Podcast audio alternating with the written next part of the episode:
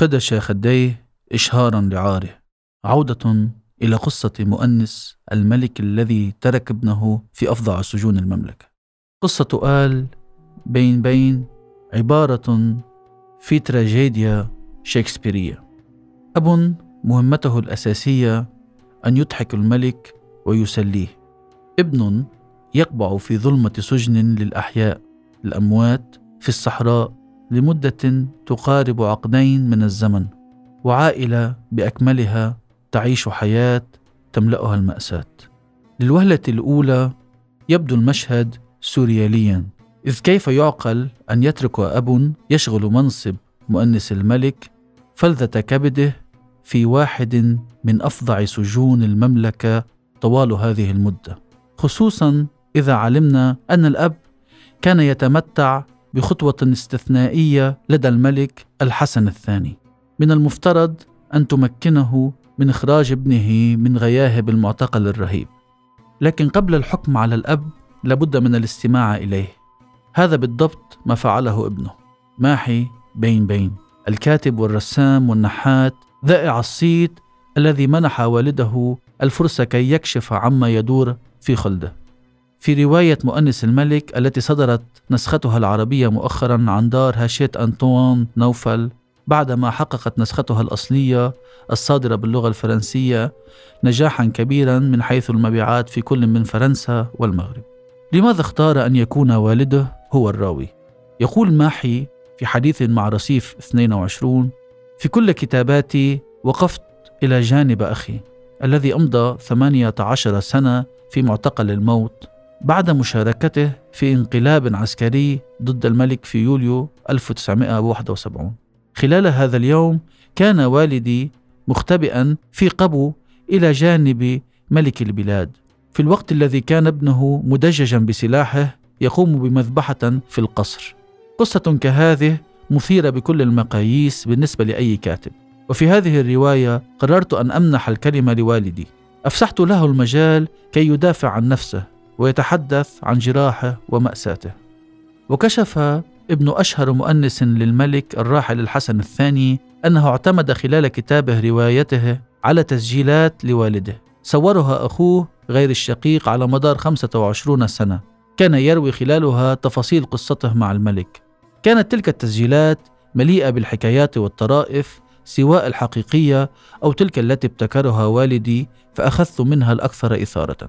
يضيف الكاتب ثم إنني لم أهاجم الحسن الثاني لأن الراوي أي والدي وكان الأخير نصف إله بالمعنى الميثولوجي للعبارة وعن رأيه في العلاقة بين والده الفقيه بين بين والملك الحسن الثاني أجاب ماحي بالقول هناك مثل جميل ورد في الكتاب يقول من يمتدح جمال مؤخرته لن يمكنه الجلوس عليها أبدا وهكذا رجال الحاشية جسدا وروحا هم ملك لسيدهم.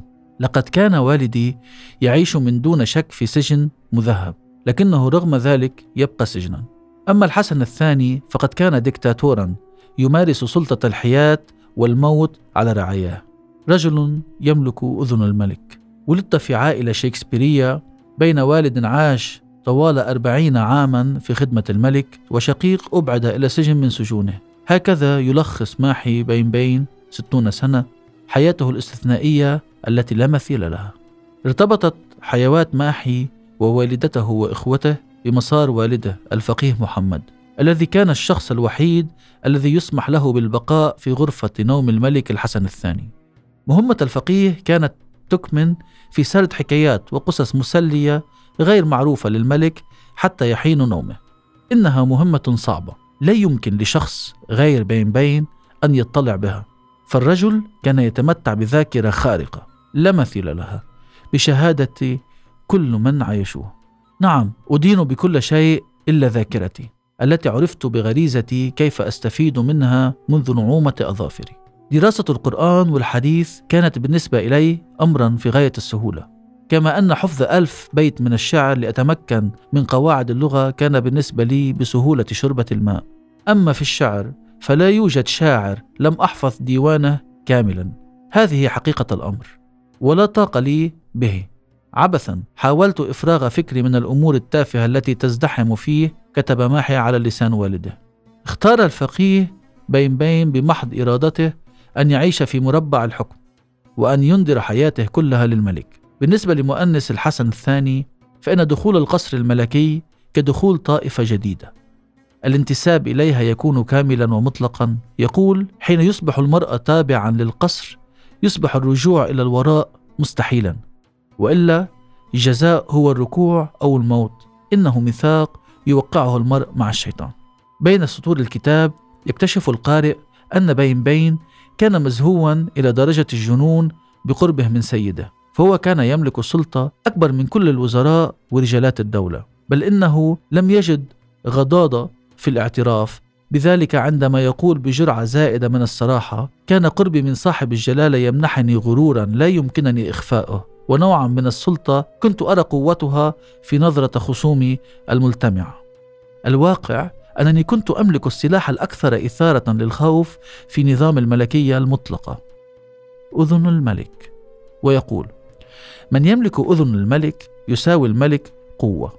الله يعلم أي جهد بذلته على نفسي لئلا أسيء استعمال هذه الخطوة. في إحدى الأيام كان مزاج الملك الحسن الثاني متقلبا لكنه قرر الذهاب إلى ملعب الجولف وطلب حضور الفقيه بين بين لمرافقته. في المقابل كان عدد من الوزراء ينتظرون قدوم الملك لأنهم في حاجة للتوقيع الملكي على عدد كبير من الملفات المستعجلة. يستذكر الفقيه بين بين تلك اللحظة كان التأخير الذي سببه تدهور صحة الملك قد شل أعمال المملكة. شعرت بذلك الاهتمام المفاجئ الذي أبدوه حيالي. أخذوا يمتدحونني وكأن المديح ليس مهنتي ويعدونني بمعسول الكلام وكأنني لست ضليعا في فن الكلام. إنه جزء بسيط من النفوذ الذي كان يملكه مهرج الملك. شرخ في روح المهرج. عندما تحول قصر السخيرات إلى مجزرة يوم العاشر من يوليو 1971 كان بين بين مختبئا برفقة الملك وبعض رجال الحاشية تحت الأرض. إنه انقلاب عسكري ومستقبل الملكية أصبح على كف عفريت. ولم يبدو أن الفقيه بين بين كان قد فقد شيئا من حسه الفكاهي حين توجه إلى الملك بطلب جعل هذا الأخير ينخرط في ضحك هستيري. سيدي قبل أن يطلقوا علي النار قل لهم أن لا يصوبوا على رأس المسكين فلا ذنب له. ليفرغوا رصاصهم في بطني الضخم. فهو وحده المسؤول عما يجري لي. هذه المعدة التي لا تشبع أبدا تستحق أن تمزق إربا وهي التي قادتني إلى هذا القبو حيث أختبئ كجرذ غداة فشل المحاولة الانقلابية ستكون صدمة بين بين كبيرة. ابنه البكر الضابط عزيز كان ضمن المهاجمين الذين حاولوا قتل الملك. ابتداء من هذه اللحظة سيحدث الشرخ في حياة آل بين بين. لم يتردد بين بين الأب في التبرؤ من ابنه. تلك العتمة الباهرة التي كتبها الروائي المغربي طاهر بن جلون على لسان الضابط عزيز بين بين الذي روى التفاصيل. ما أن بلغ أبي أني كنت في عداد المهاجمين خدش خديه إشهارا لعاره. وارتمى عند قدمي الملك وقبلهما باكيا وعندما أنهضته يد الملك أنكرني بالعبارات التالية لقد رزقني الله ولدا منذ سبعة وعشرين عاما وأني أدعو الله أن يأخذه أن يميته ويصليه بنار جهنم. إني من صميم روحي ووعي وبكل إدراكي أتبرأ من هذا الابن العاق. لكن ماحي منح اليوم لوالده الراحل الفرصة لكي يعبر ولو بشكل متأخر عن الألم الذي كان يشعر به طوال فترة اعتقال ابنه البكر. لقد كان مؤنس الملك أكثر من تألم في صمت. جعلتني هذه المأساة أبدو في نظر الجميع حفارا لقبر ولدي وأصبحت وحشا نذلا وخائنا. وحكمت وأدنت مسبقا. يقول بين بين الأب في رواية ابنه ماحي كيف أصف عودتي كل يوم إلى المنزل حيث تنتظرني امرأة في حالة حداد دائم؟ وأم حرمت حبها الأول أي بكر أبنائها.